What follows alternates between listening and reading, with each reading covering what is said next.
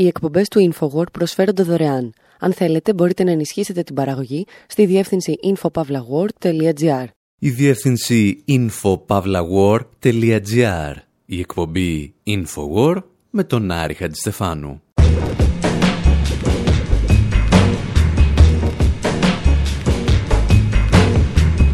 όπου σήμερα ακούμε τραγούδια που γράφτηκαν τις τελευταίες ημέρες για τον κορονοϊό σε όλο τον κόσμο και τα συνοδεύουμε με μερικές σκέψεις.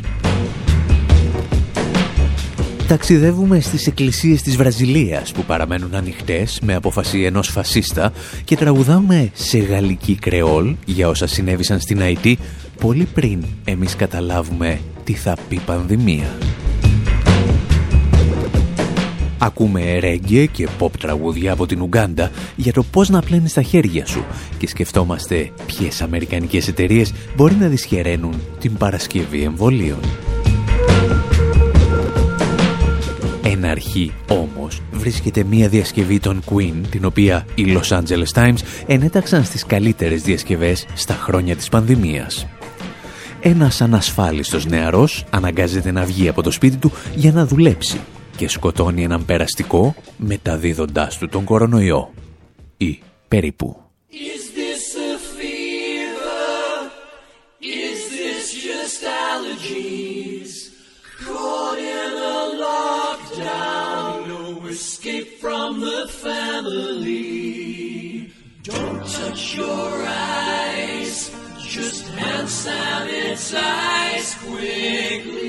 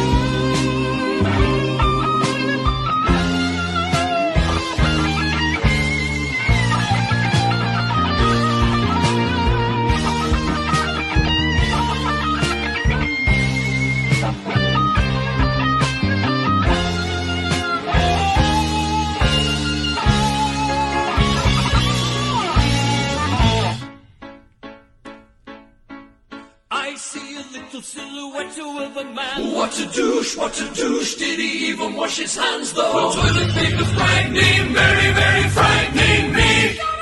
Gotta lay low, gotta lay low. I'm just a poor boy facing mortality. He's just a poor boy facing mortality. Spare him his life from this monstrosity. Face wash your hands. Will you wash your hands? Bismillah. No, we will not wash our hands. Wash your hands. Bismillah. We will not wash our hands. Wash your hands. Bismillah. We will not wash our hands. Wash your hands.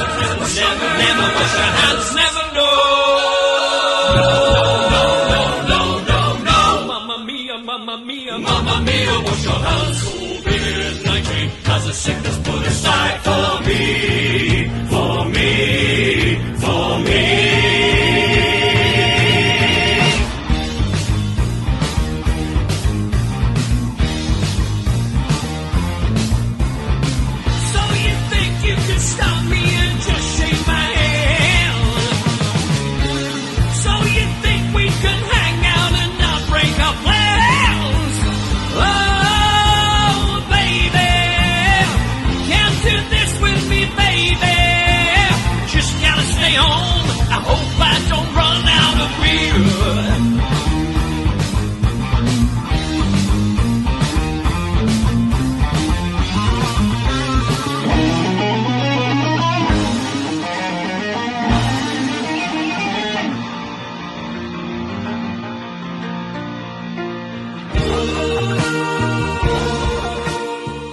Κοιτάζω, λέει, έξω από το παραθυρό μου και δεν βλέπω την επιδημική καμπύλη να εξομαλύνεται.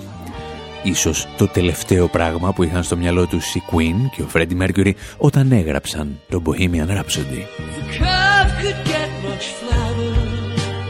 Any Σε άλλες περιπτώσεις πάλι δεν χρειάστηκε καν να υπάρξει διασκευή τραγουδιών των Queen ώστε να ταιριάξουν απόλυτα με την πανδημία του κορονοϊού.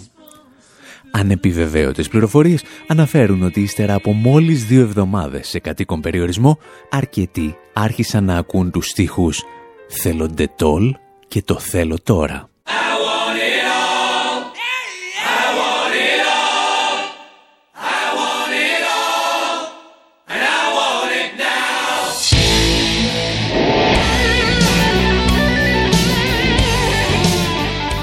Πάντως από τις δεκάδες διασκευές και τα ακόμη περισσότερα ανέκδοτα που κυκλοφορούν το τελευταίο διάστημα για τον κορονοϊό, αρκετοί σκέφτηκαν να γράψουν καινούρια τραγούδια προσφέροντας συμβουλές για την προστασία από τον ιό.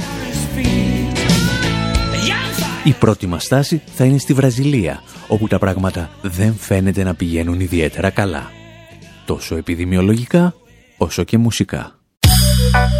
Só parece ser. Chevy Chica é louco, eu tô só galaco, mesmo. Melhor se prevenir, se liga rapaziada. Evitar tumulto e estar sempre de máscara É melhor se prevenir, se liga rapaziada. Evitar tumulto e estar sempre de máscara Então pega a visão e escutando o que eu digo Evite passar a mão no rosto e pegar na mão do amigo. Evite passar a mão no rosto e pegar na mão do amigo. Então pega se quiser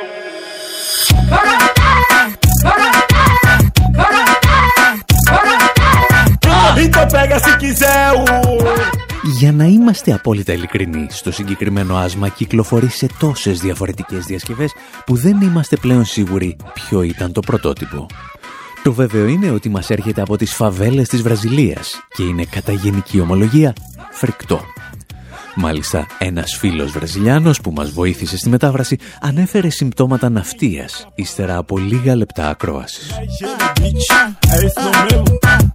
Πρόκειται όμως ίσως για το πρώτο κομμάτι στην ιστορία στο οποίο δύο τερατώδεις τύποι με gangsta περιβολή τραγουδούν για το πόσο καλό είναι να πλένεις τα χέρια σου. Το οποίο γίνεται ακόμη πιο επιτακτικό αν έχεις για πρόεδρο έναν φασίστα σαν τον Ζαΐρ Μπολσονάρο ή Ζαΐχ Μπολσονάρου. Εάν έχετε προσέξει οι τρεις πιο ακροδεξιοί πρόεδροι που γνωρίζουμε σε δημοκρατίες της Δύσης, ο Μπολσονάρου στη Βραζιλία, ο Τραμπ στις Ηνωμένες Πολιτείες και ο Ορμπάν στην Ουγγαρία, είχαν ίσως την πιο επικίνδυνη στάση απέναντι στον κορονοϊό. Οι δύο πρώτοι αρχικά τον αγνόησαν οδηγώντας στο θάνατο χιλιάδες πολίτες των χωρών τους. Και ο τρίτος βρήκε την ευκαιρία να αναλάβει εξουσίες δικτάτορα με την ανοχή της Ευρωπαϊκής Ένωσης. Ο Μπολσονάρου όμως είχε και ένα άλλο χαρακτηριστικό. Ήταν ωραίος σαν Έλληνας. In Latin America, Brazilian President Jair Bolsonaro has exempted churches from coronavirus-related lockdowns. Στη Λατινική Αμερική, ο Βραζιλιάνος πρόεδρος Ζαΐρ Μπολσονάρο έχει απαλλάξει τις εκκλησίες από το κλείσιμο λόγω κορονοϊού, κατατάσσοντας τις θρησκευτικές συνευρέσεις στις αναγκαίες υπηρεσίες, συνενώντας τις απαιτήσεις ευαγγελικών ηγετών. Τα επιβεβαιωμένα κρούσματα κορονοϊού στη Βραζιλία έχουν εκτοξευθεί σχεδόν στις 3.000 την περασμένη εβδομάδα.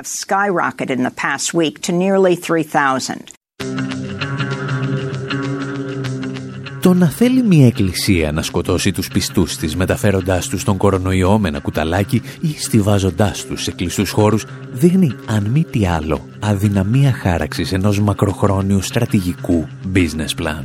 Γιατί αν σκοτώσεις τους πελάτες σου επιδιώκοντας μόνο το άμεσο κέρδος χάνεις πολλαπλάσια έσοδα από το μέλλον.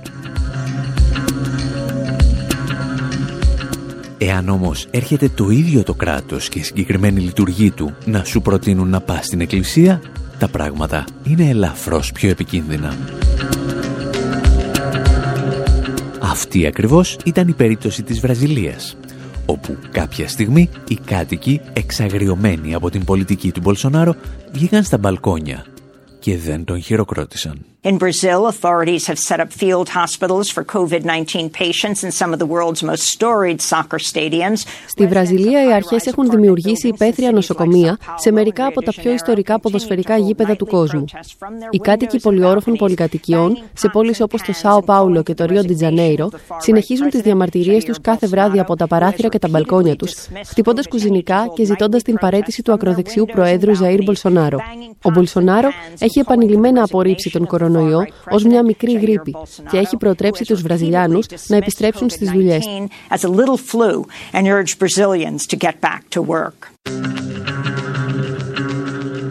Η Βραζιλία κατάλαβε έτσι τι σημαίνει να έχει στην εξουσία ένα γηραιό, επικίνδυνο φασίστα όταν βρίσκεσαι αντιμέτωπος με μια πανδημία με πρωτοφανείς διαστάσεις. Το πρόβλημα για την ανθρωπότητα ήταν ότι έναν επίσης γυρεό παρανοϊκό ακροδεξιό, ο οποίος αμφισβητούσε τη σοβαρότητα της κατάστασης, έχουν στην εξουσία και οι Ηνωμένες Πολιτείες. Και σε αυτό το πορτοκαλί ανθρωπάκι αφιέρωνε τη δική του διασκευή ο Chris Mann.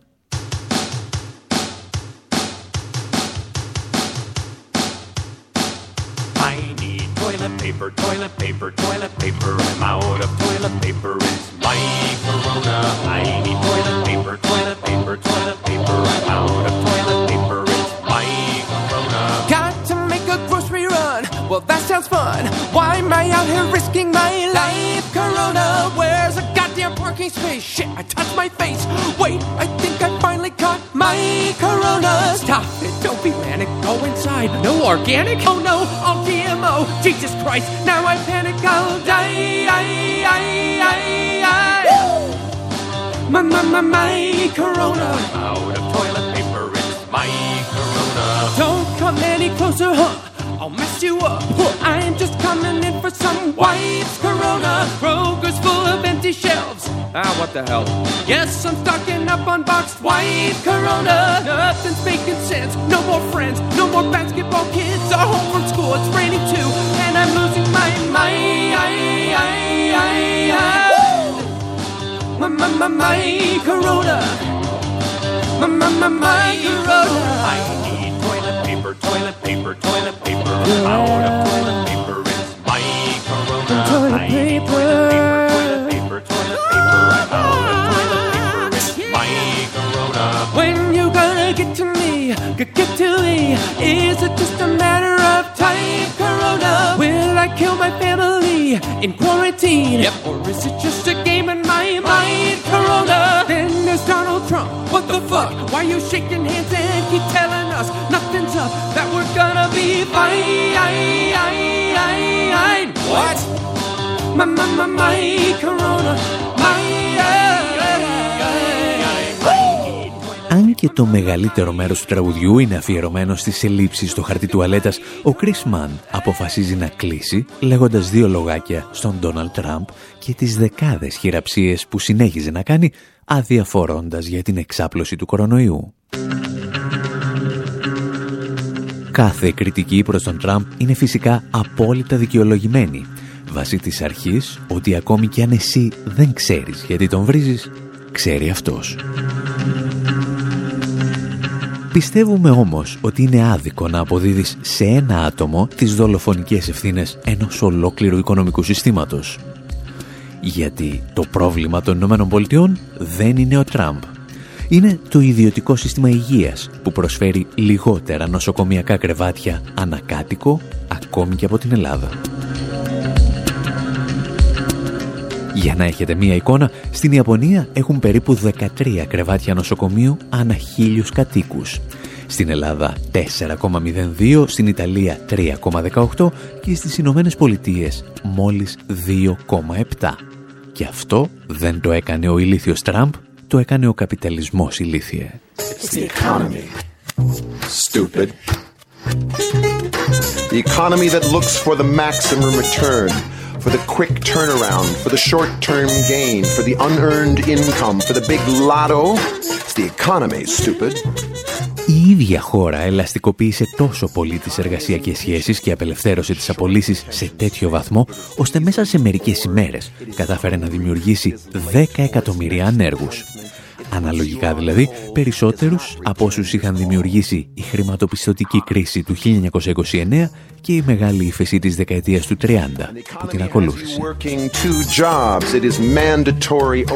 Και πώς αντέδρασε η οικονομική και στρατιωτική υπερδύναμη σε αυτή την κατάσταση; Με το μόνο τρόπο που ξέρει. Άρχισε να μοιράζει δισεκατομμύρια σε πολυεθνικές, ενίσχυσε τις ναυτικές δυνάμεις της στη Νότια Αμερική και έβαλε τις μυστικές της υπηρεσίες να κατηγορούν την Κίνα. Τρεις κινήσεις δηλαδή που δεν θα σώσουν ούτε έναν από τους 100.000 πολίτες που ενδέχεται να πεθάνουν τις επόμενες εβδομάδες στις Ηνωμένες Πολιτείες. Και ένας από τους πολλούς λόγους για τους οποίους δεν θα σωθούν είναι ότι η Ουάσιγκτον έχει εναποθέσει την παρασκευή εμβολίων και φαρμάκων στις ιδιωτικές φαρμακοβιομηχανίες. COVID-19, COVID-19, COVID-19, COVID-19, COVID-19. Oh shit, we on the north side. Yeah. COVID-19, COVID-19. Η πρώτη συνέπεια από αυτή την απόφαση είναι ότι έχει χαθεί πολύτιμος χρόνος δεκαετιών στην έρευνα και ανάπτυξη εμβολίων απέναντι σε κορονοϊούς.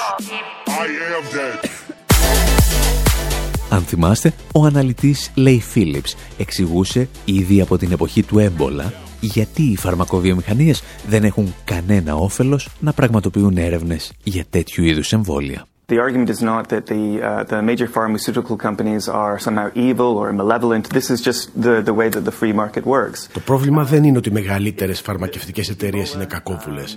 Έτσι λειτουργεί η ελεύθερη αγορά. Ο έμπολα δεν είναι μια κερδοφόρος ασθένεια, γιατί μόλις βρεθεί το φάρμακο θα εξαλειφθεί. Οι ασθενείς θα πρέπει να πάρουν ένα φάρμακο μία ή δύο φορές, αλλά δεν θα πρέπει να συνεχίσουν για το υπόλοιπο της ζωής τους. Α το συγκρίνουμε λοιπόν με την ινσουλίνη για το διαβήτη ή κάποιο άλλο φάρμακο το οποίο οι ασθενείς θα πρέπει να παίρνουν κάθε μέρα για το υπόλοιπο της ζωής τους. Έστω ότι μια φαρμακευτική εταιρεία πρέπει να επενδύσει ένα δισεκατομμύριο δολάρια για την ανάπτυξη ενός φαρμάκου. Πού θα επενδύσει, εκεί που θα έχει χαμηλή ή και μηδενική απόδοση ή εκεί που θα έχει υψηλή απόδοση. Όλοι καταλαβαίνουμε πού θα βάλουν τα λεφτά τους.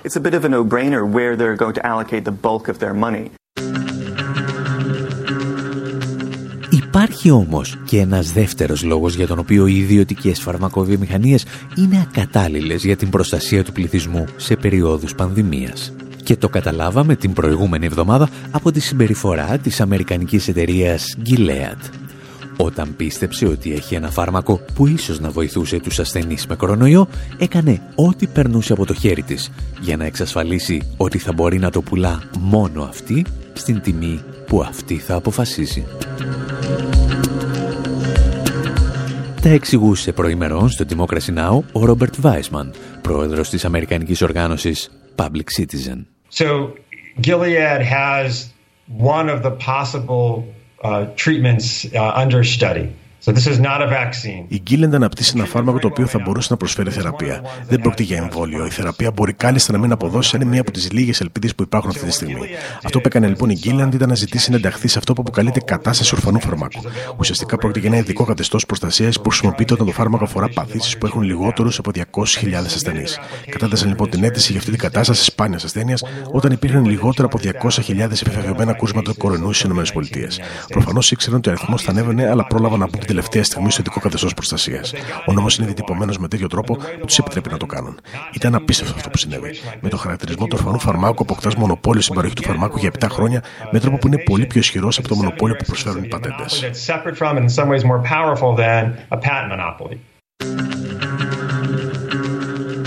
Τελικά, η Γκιλέα αναγκάστηκε να υποχωρήσει υπό το βάρος της διεθνούς κατακραυγής. Υπήρχε όμως και ένα άλλο πρόβλημα, για το οποίο ελάχιστοι ήθελαν να μιλήσουν. Ότι το φάρμακο θα έπρεπε εξ αρχής να ανήκει στους πολίτες, γιατί αυτοί είχαν πληρώσει για την παρασκευή του. This drug has benefited from a huge amount of government funding on the research and development side. Το φάρμακο αυτό έχει λάβει τεράστιο ποσό κρατικής χρηματοδότησης για την έρευνα και την ανάπτυξή του. Γενικότερα, τα εμβόλια έχουν αναπτυχθεί στη συντριπτική τους πλειονότητα από την Αμερικανική Ομοσπονδιακή Κυβέρνηση. Όποτε αυτό που συμβαίνει είναι ότι η Γκίλιαν προσπαθεί να λάβει το ειδικό καθεστώς αποκλειστικότητας από την Αμερικανική Κυβέρνηση για ένα προϊόν την ανάπτυξη του οποίου έχει πληρώσει η ίδια Αμερικανική Κυβέρνηση.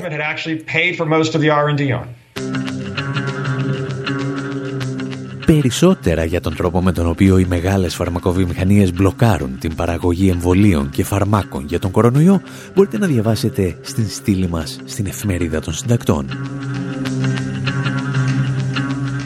Εμείς σας αφήνουμε σε μερικά λεπτά ησυχίας με μια instrumental διασκευή που έκανε ο Ιταλός Λούκα Τερκανιόλη στο τραγούδι Clint Eastwood, των Gorillaz.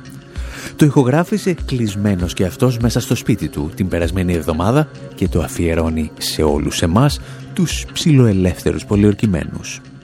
Για την ιστορία παίζει μια κιθάρα με τρία μπράτσα.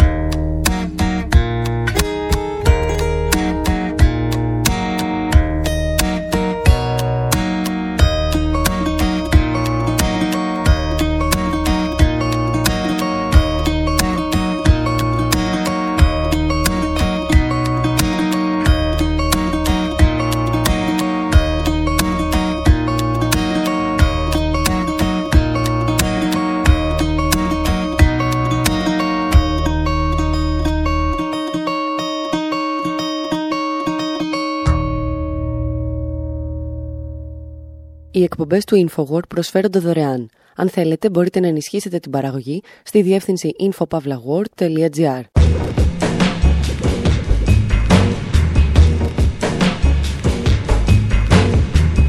Εκπομπή InfoWord, μέρος δεύτερο. Όπου ακούμε τραγούδια και μουσικές που γράφτηκαν τις τελευταίες ημέρες για τον κορονοϊό σε όλο τον κόσμο. Και ανάμεσά τους μοιραζόμαστε και μερικές σκέψεις για τις χώρες στις οποίες γράφτηκαν. Πέρασαμε από τη Βραζιλία στις Ηνωμένες Πολιτείες με μια μικρή στάση στην Ιταλία και έχει έρθει η στιγμή να διασχίσουμε και πάλι τον Ατλαντικό. Françaises, Français, mes chers compatriotes de l'Hexagone et d'Outre-mer. On va tous mourir Hollande, coronavirus, science-fiction, grave une réalité Pas ni vaccin, donc tout le monde a confiné Je te fais pas la bise, ma sous contaminé Han manabal, han manabal Pas bon moi la main Pas fait moi la bise Moi t'es pour partir de même, moi t'es fait les valises On va tous mourir Pisaka et pisaka empiré Rete y'a qu'à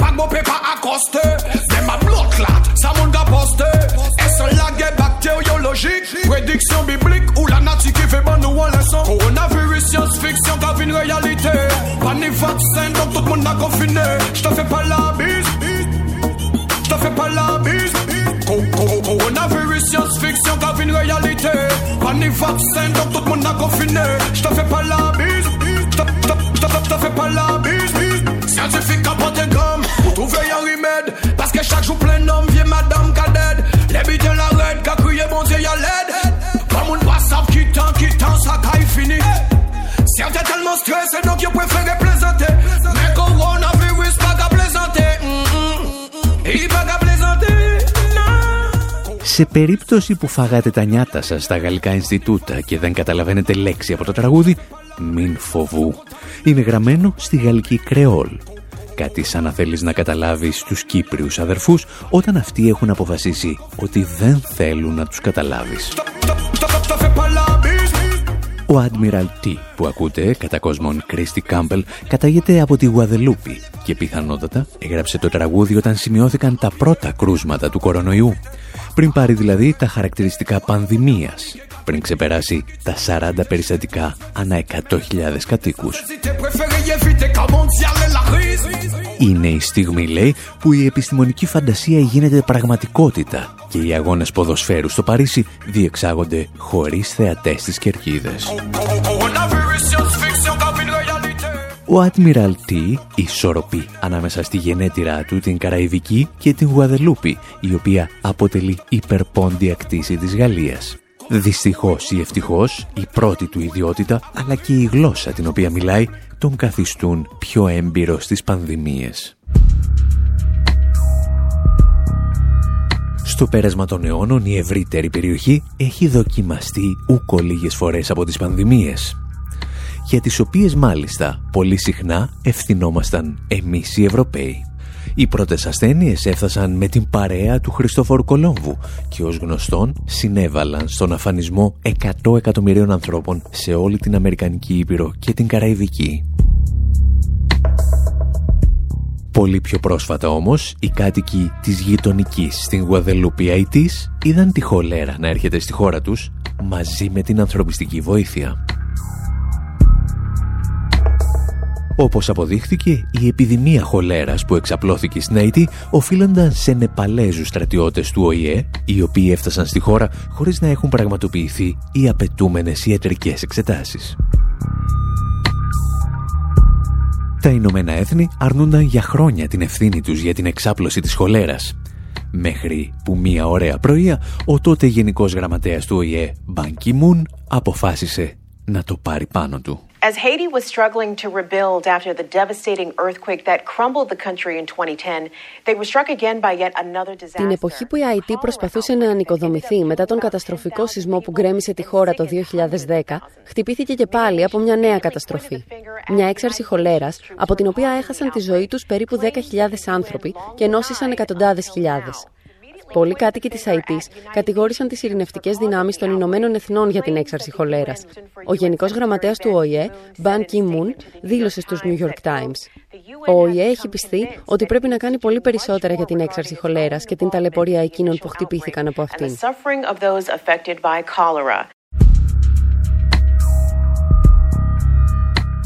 Η επιδημία χολέρας λοιπόν, μια ασθένεια που δεν είχε εμφανιστεί στην Αϊτή για μισό αιώνα, επανήλθε μαζί με την ανθρωπιστική βοήθεια του ΟΗΕ. Το πρόβλημα ήταν ότι η χώρα δεν διέθετε εκείνη τη στιγμή σύστημα υγείας για να αντιμετωπίσει την πανδημία, αλλά ούτε καν αστυνομία για να πει στους κατοίκους να μείνουν στα σπίτια τους ή τουλάχιστον στις πρόχειρες καλύβες τους. Γιατί όλα αυτά κάποιοι είχαν φροντίσει να τα ιδιωτικοποιήσουν και να μεταφέρουν τις αρμοδιότητες σε μη κυβερνητικές οργανώσεις. Τα εξηγούσε ο Μπιλ Κούγκλεϊ, διευθυντής του Ιδρύματος για τα συνταγματικά δικαιώματα στην Αϊτή.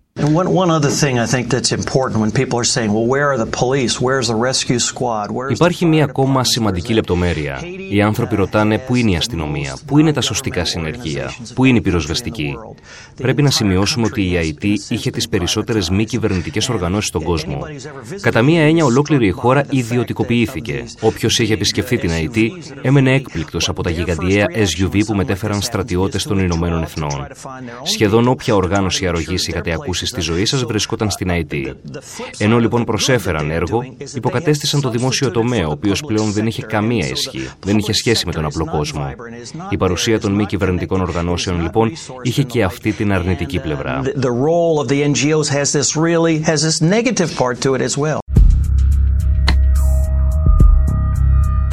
Εμείς οι δυτικοί λοιπόν, αφού συμβάλαμε στην ιδιωτικοποίηση των πάντων στην ΑΕΤ, τους στείλαμε και μία χολέρα για να έχουν ασχολούνται. Γνωστές πρακτικές, τις οποίες συχνά δοκιμάζουμε για δεκαετίες και στους εαυτούς μας.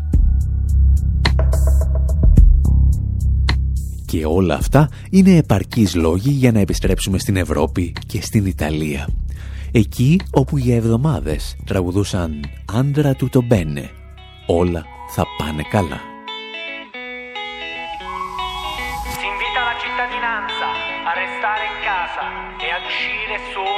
Per approvvigionamento alimentare o farmaceutico e mantenendo distanza di almeno un metro. Grazie. E sono rimasta a casa, resti in corsia, vita separata contro la stessa malattia. E quando si esce, si fuori balcone, la gente canta forte solo che sta canzone. Mi si mi gente coro, si mi gente sostanza, pure se stiamo chiuso, mi si rinda la stanza. E chiaga lo parare, regno la speranza, facciamo la curcia tutto quanto che sta a distanza. Andrà bene, andrà tutto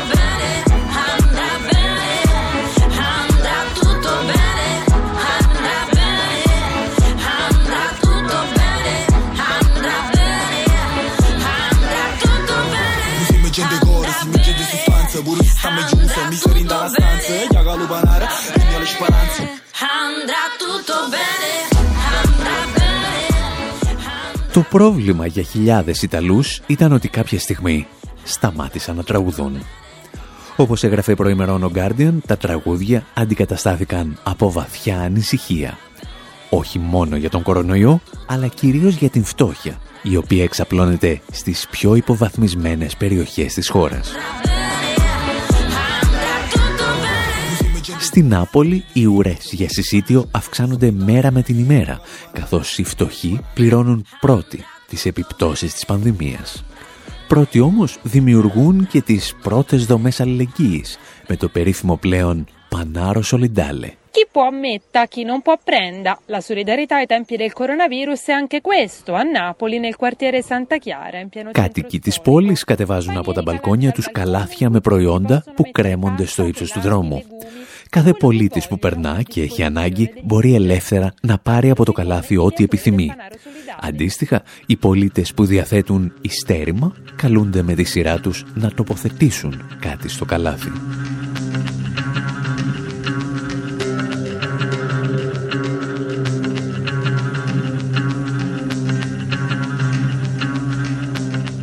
Το φαινομενικά παράδοξο σε όλη αυτή την ιστορία πάντως είναι ότι αλλού χτύπησε ο κορονοϊός και αλλού η φτώχεια. Ενώ οι περισσότεροι νεκροί στην Ιταλία προέρχονταν από τις εύπορες περιοχές του Ιταλικού Βορρά, οι άνθρωποι που δυσκολεύονται πλέον να βρουν επαρκή τροφή ζουν επιτοπλίστων στο Νότο.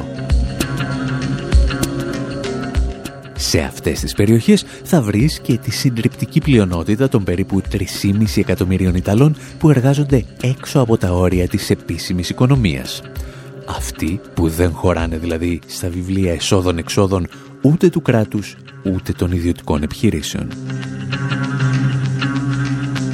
Η κυβέρνηση βρήκε για όλους αυτούς τους ανθρώπους 400 εκατομμύρια ευρώ, τα οποία πρέπει να κατευθύνει σε συσίτια. Όπως λένε όμως όλοι οι δήμαρχοι της χώρας, αυτά τα χρήματα απλώς δεν επαρκούν για τίποτα. Ήδη σε ορισμένες από τις φτωχότερες περιοχές της χώρας αυξάνονται οι ένοπλες ληστείες σούπερ μάρκετ, όπου η λία δεν είναι αναγκαστικά το ταμείο, αλλά τα ράφια με τα τρόφιμα.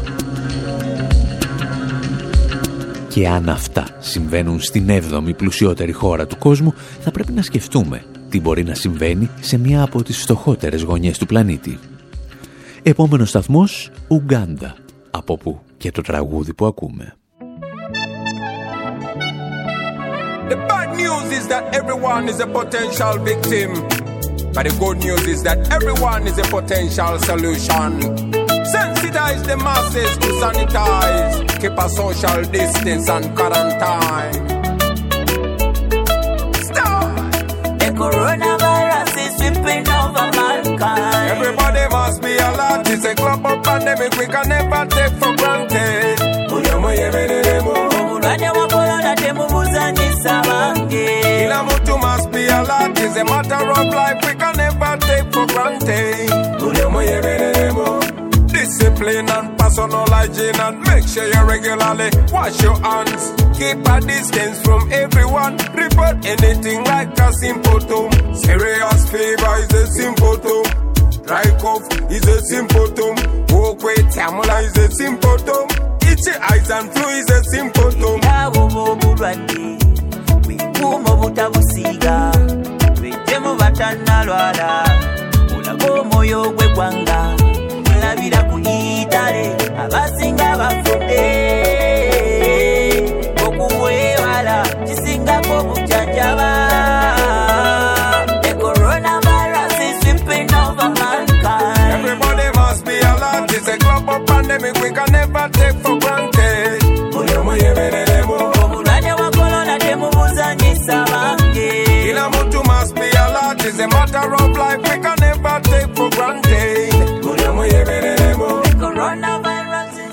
Ο Μπόμπι Γουάιν, ένας από τους γνωστότερους μουσικούς των τελευταίων χρόνων στην Ουγκάντα, ενώνει τις δυνάμεις του με τον Νούμπιαν Λί και δίνουν απλές καθημερινές συμβουλές για την προστασία από τον κορονοϊό. Sensitize the masses to sanitize. Πρόκειται για μια πρακτική που έχουμε δει σε όλες τις μεγάλες επιδημίες που πέρασαν από την Αφρική τις τελευταίες δεκαετίες με γνωστούς μουσικούς να μεταφέρουν μηνύματα κοινωνικού περιεχομένου. It's a global pandemic we can never take for granted. Αυτό για το οποίο η ελληνική κυβέρνηση αποφάσισε να δώσει 21 εκατομμύρια ευρώ στους καναλάρχες και 11 εκατομμύρια μπόνους. Discipline and personal hygiene and make sure you regularly wash your hands. Keep a distance from everyone. Η Ουγκάντα παρεπιπτόντος είχε περίπου το ίδιο πρόβλημα με την Νότια Ιταλία. Μπορεί να μην βρίσκεται στο επίκεντρο της πανδημίας, αλλά οι οικονομικές επιπτώσεις έφτασαν σε αυτήν πριν και από τον ίδιο τον ιό. Η κυβέρνηση έλαβε πολύ γρήγορα δραστικά μέτρα για τον περιορισμό της κυκλοφορίας και το κλείσιμο καταστημάτων και υπηρεσιών. Για χιλιάδες πολίτες όμως αυτό δεν σήμαινε απλώς διακοπή του εισοδήματος. Σήμαινε ότι την ίδια ημέρα δεν μπορούσαν να προμηθευτούν αρκετό φαγητό. Και ύστερα συνέβη κάτι που όλοι περίμεναν, αλλά κανένας δεν ήθελε να μιλά γι' αυτό. Για άλλη μια φορά, η κυβέρνηση και τα μέσα ενημέρωσης κατηγόρησαν για την εξάπλωση του ιού τους ομοφιλόφιλους. Πριν από μερικές ημέρες η αστυνομία εισέβαλε σε στέκια της ΛΟΑΤΚΙ κοινότητας και συνέλαβε αρκετά μέλη της με το πρόσχημα ότι παραβίαζαν τους κανόνες της λεγόμενης κοινωνικής απομόνωσης, το social distancing. Όπως είχαμε εξηγήσει στην τελευταία αποστολή του Infowars στην Ουγκάντα, το να είσαι μέλος της ΛΟΑΤΚΙ κοινότητας σε αυτή τη χώρα πολλές φορές ισοδυναμεί με θάνατο.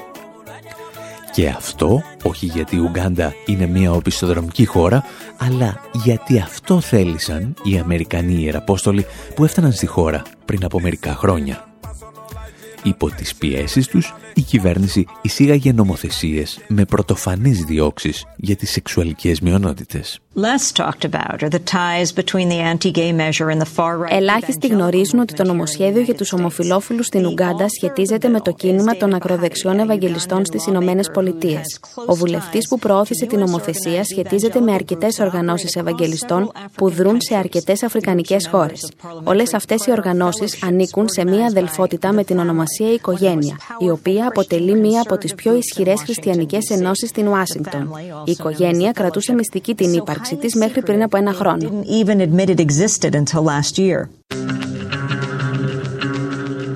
Εσείς πάντως πάρτε κάπου εδώ μια ανάσα με τον Μάνου Τσάου, ο οποίος κλεισμένος στο διαμέρισμά του ηχογραφεί κάθε μέρα και ένα από τα παλιότερα τραγούδια του και εμείς ερχόμαστε να σας χαιρετήσουμε.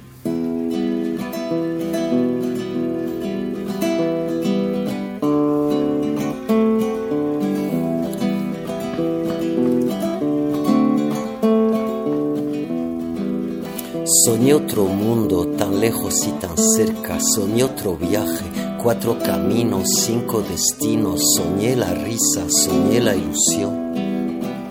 Soñé otro mundo, soñé menos joda, soñé una mañana que en fin se podía, soñé de un amor de noche y de día, soñé la fortuna, soñé la alegría, soñé de mi luna que no se rendía y que a mi gato le decía, Ajá. Calavera no llora, serenata de amor. Calavera no llora, no tiene corazón. Ajá. Soñé sin guerra, soñé sin temores, soñé sin vallas, soñé sin paliza, soñé una faena que nunca se acaba, soñé una verbena que siempre otra vez. Ajá. Calavera no llora, serenata de amor. Calavera no llora, no tiene corazón. Αποκλεισμένος και αυτός στο διαμέρισμά του, όπως όλοι σας, ο Μάνου Τσάου ανεβάζει κάθε μέρα ένα νέο βίντεο στο κανάλι του στο YouTube με ένα σύντομο τραγούδι, υπό τον γενικό τίτλο «Coronarictus Smiley Killer Sessions». Θα τα βρείτε όλα συγκεντρωμένα στη σελίδα μας info.pavlawar.gr Εκεί όπου θα βρείτε επίσης περίπου 7.000 κείμενα, ντοκιμαντέρ και podcast για να μας θυμάστε αυτές τις δύσκολες ημέρες. Μέχρι την επόμενη εβδομάδα, από τον Άρη Χατζηστεφάνου στο μικρόφωνο, τον Ανδρέα Κοσιάρη και την Μυρτώ Σιμεωνίδου σε μεταφράσεις και εκφωνήσεις και τον Δημήτρη Σταθόπουλο στην τεχνική επιμέλεια, γεια σας και χαρά σας.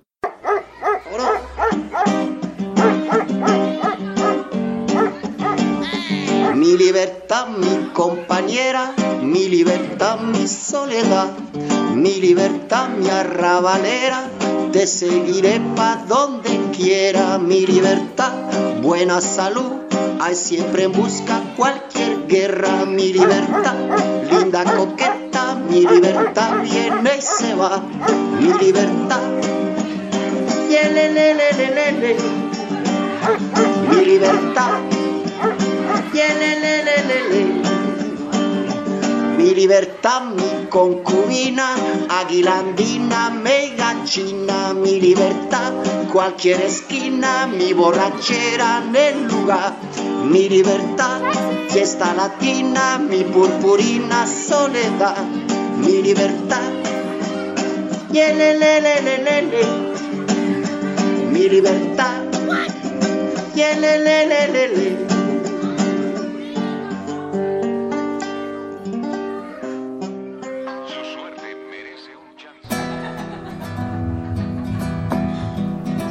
Te de menos la cama revuelta, ese zumo de naranja y las revistas abiertas. Y entre nosotros, uno de metacrilato no nos deja olernos mi manosearlo. Y por la noche todo es cambio de postura, encuentro telaraña por la costura. Lo mismo que antes te echaba de más. Si tú no te das cuenta de lo que vale, el mundo es una tontería.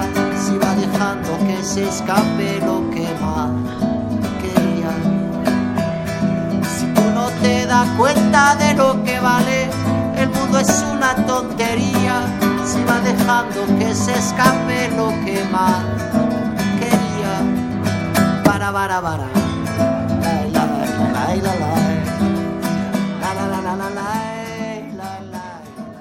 Mamá perfecta, deja tú y yo bailar. Mamá perfecta, deja tú y yo bailar. Porque ustedes los muchachos cuando se juntan, ustedes los muchachos cuando se juntan, ustedes los muchachos cuando se juntan. La la la li, la lo le, lo. No quiero, no. No quiero, no. ¿Qué? Como que no soy de etiqueta, yo. Como que no soy de etiqueta, yo. Canto mi canto antiguo. Yamba poe. Tumba la curibamba, mi negra y tumba. Tumba la curibamba, mi negra y tumba. Iñale cososa, iñale sosa, iñale bambule. Iñale cososa, iñale sosa, iñale bambule. Perfecta, deja tú yo bailar.